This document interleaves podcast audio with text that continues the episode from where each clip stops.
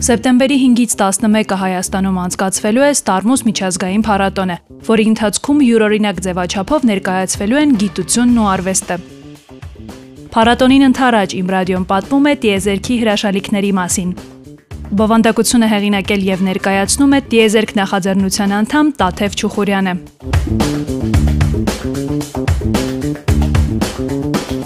Արեգակնային համակարգում երկրից բացի կա մեկ այլ մոլորակ, որը բնակեցված է, բայց այն բնակեցված է ոչ թե մարդկանցով, այլ ռոբոտներով։ Խոսքը Մարսի մասին է։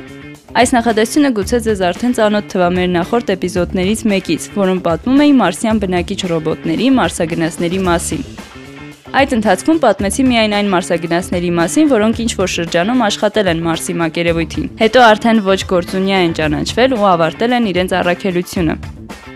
Այս անգամ եկեք ծանոթանանք այն մարսագնացներին, որոնք դեռ աշխատում են Կարմիր մոլորակի վրա, շարունակելով ուսումնասիրել այն եւ Մարսի մասին ինֆորմացիան ուղարկել երկիր։ Այդ մարսագնացները 3-ն են՝ ամերիկյան Perseverance-ն ու Curiosity-ն եւ չինական Churong-ը։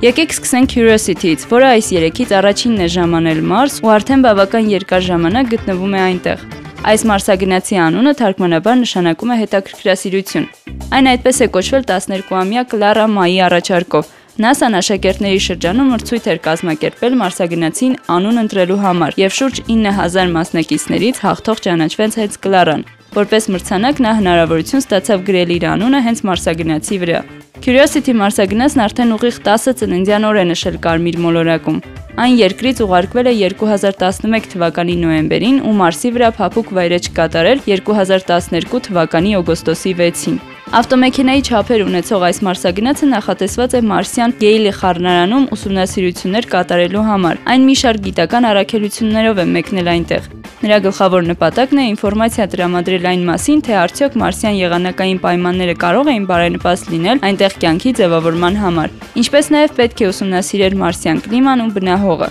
Ի սկզբանե Curiosity-ն նախատեսված է եղել միայն 2 տարի աշխատելու համար, սակայն 2012-ի դեկտեմբերին նրա առաքելությունը երկարաձգվեց անժամկետ։ Այս տարվա հուլիսի 1-ի դրությամբ Մարսագնացն արդեն ավելի քան 28 կիլոմետր ճանապարհ է անցել Մարսում։ Իդեպ նրա հետ Մարս գնալու հնարավորություն է ստացել 1.2 միլիոն երկրացի։ Նրանց անունները գրանցվել են չիպում, որը տեղադրված է Մարսագնացի մեջ։ Մարսագնացի ֆանտաստիկ հաջողությունները հիմք ընդունելով NASA-յում հետագայում նրա նման, բայց ավելի կատարելագործված գործիքակազմով մարսագնաց են կառուցել, որը ստացել է Perseverance անվանումը։ Այն նշանակում է վճռականություն, հաստատակամություն ու կրկին անվանումը ընտրվել է մրցույթի արդյունքում։ Perseverance-ը երկրից մեկնարկել է 2020 թվականի հուլիսին Atlas 5 հրթիռի օգնությամբ ու Մարսի վրա վայրեջ կատարել 2021-ի փետրվարին։ NASA-ի այս առաքելությունը մի շարք առանձնահատկություններ ունի։ Նախ Մարսագնացը մեկնել է հատուկ առաքելությամբ։ Այն է գտնել Մարսում հավանական հնագույն կյանքի հետքեր։ Հենց դրա համար էլ այն վայրեջք է կատարել Ջեզերո կոչվող խառնարանում։ Այս վայրը հատուկ է ընտրվել, քանի որ գիտնականների կարծիքով կա հավանականություն, որ այնտեղ եղել է լիճ։ Ու քանի որ ջրի արկայությունն ամենագլխավոր պայմաններից է կենթանի օրգանիզմների գոյության համար, ապա շատ հնարավոր է, որ այդպիսի կյանքի հետքեր գտնվեն հենց Ջեզերո խառնարանում։ Մարսագնացը հագեցած է հզոր գործիքակազմով ու բարձր որակի տեսախցիկներով, բայց ամենաառանձնահատուկը մարսագնացի հետ ուղարկված ինքնաթիռն է՝ Ingenuity-ն։ NASA-ն առաջին անգամ է այսպիսի ուղաթիռ ուղարկել Մարս, ու դա բավական բարդ փորձարկում է, քանի որ մարսյան մթնոլորտը բավական նոսր է։ Այստեղ ուղաթիռ թռցնելը դժվար է, բայց Ingenuity նման դրոն ուղաթիռները կարող են օգնել մարսագնացներին ուսումնասիրությունների համար։ Այսինքն նրանք կարող են նախորոք հետազոտել, թե որ տարածքն է ուսումնասիրության համար հետաքրքրություն ներկայացնում, ու մարսագնացն էլ առանց աչ ու ձախ անելու միանգամից կգնա այդ վայրն ու ժամանակ չի վատնի։ Ingenuity-ն ոչ միայն կարողացավ պատվով անցնել իր արժև դրված փորձությունները, այլև գերազանցեց բոլոր սպասելիքներն ու նրա առաքելությունը մի քանի անգամ երկարաձգվեց։ Այն այժմ էլ Մարսում է ու օգնում է Percy-ին, Հիշում եք չէ, որ սա Perseverance մարսագնացի փաղաքշական անվանումն է՝ Մարսը ուսումնասիրելու հարցերում։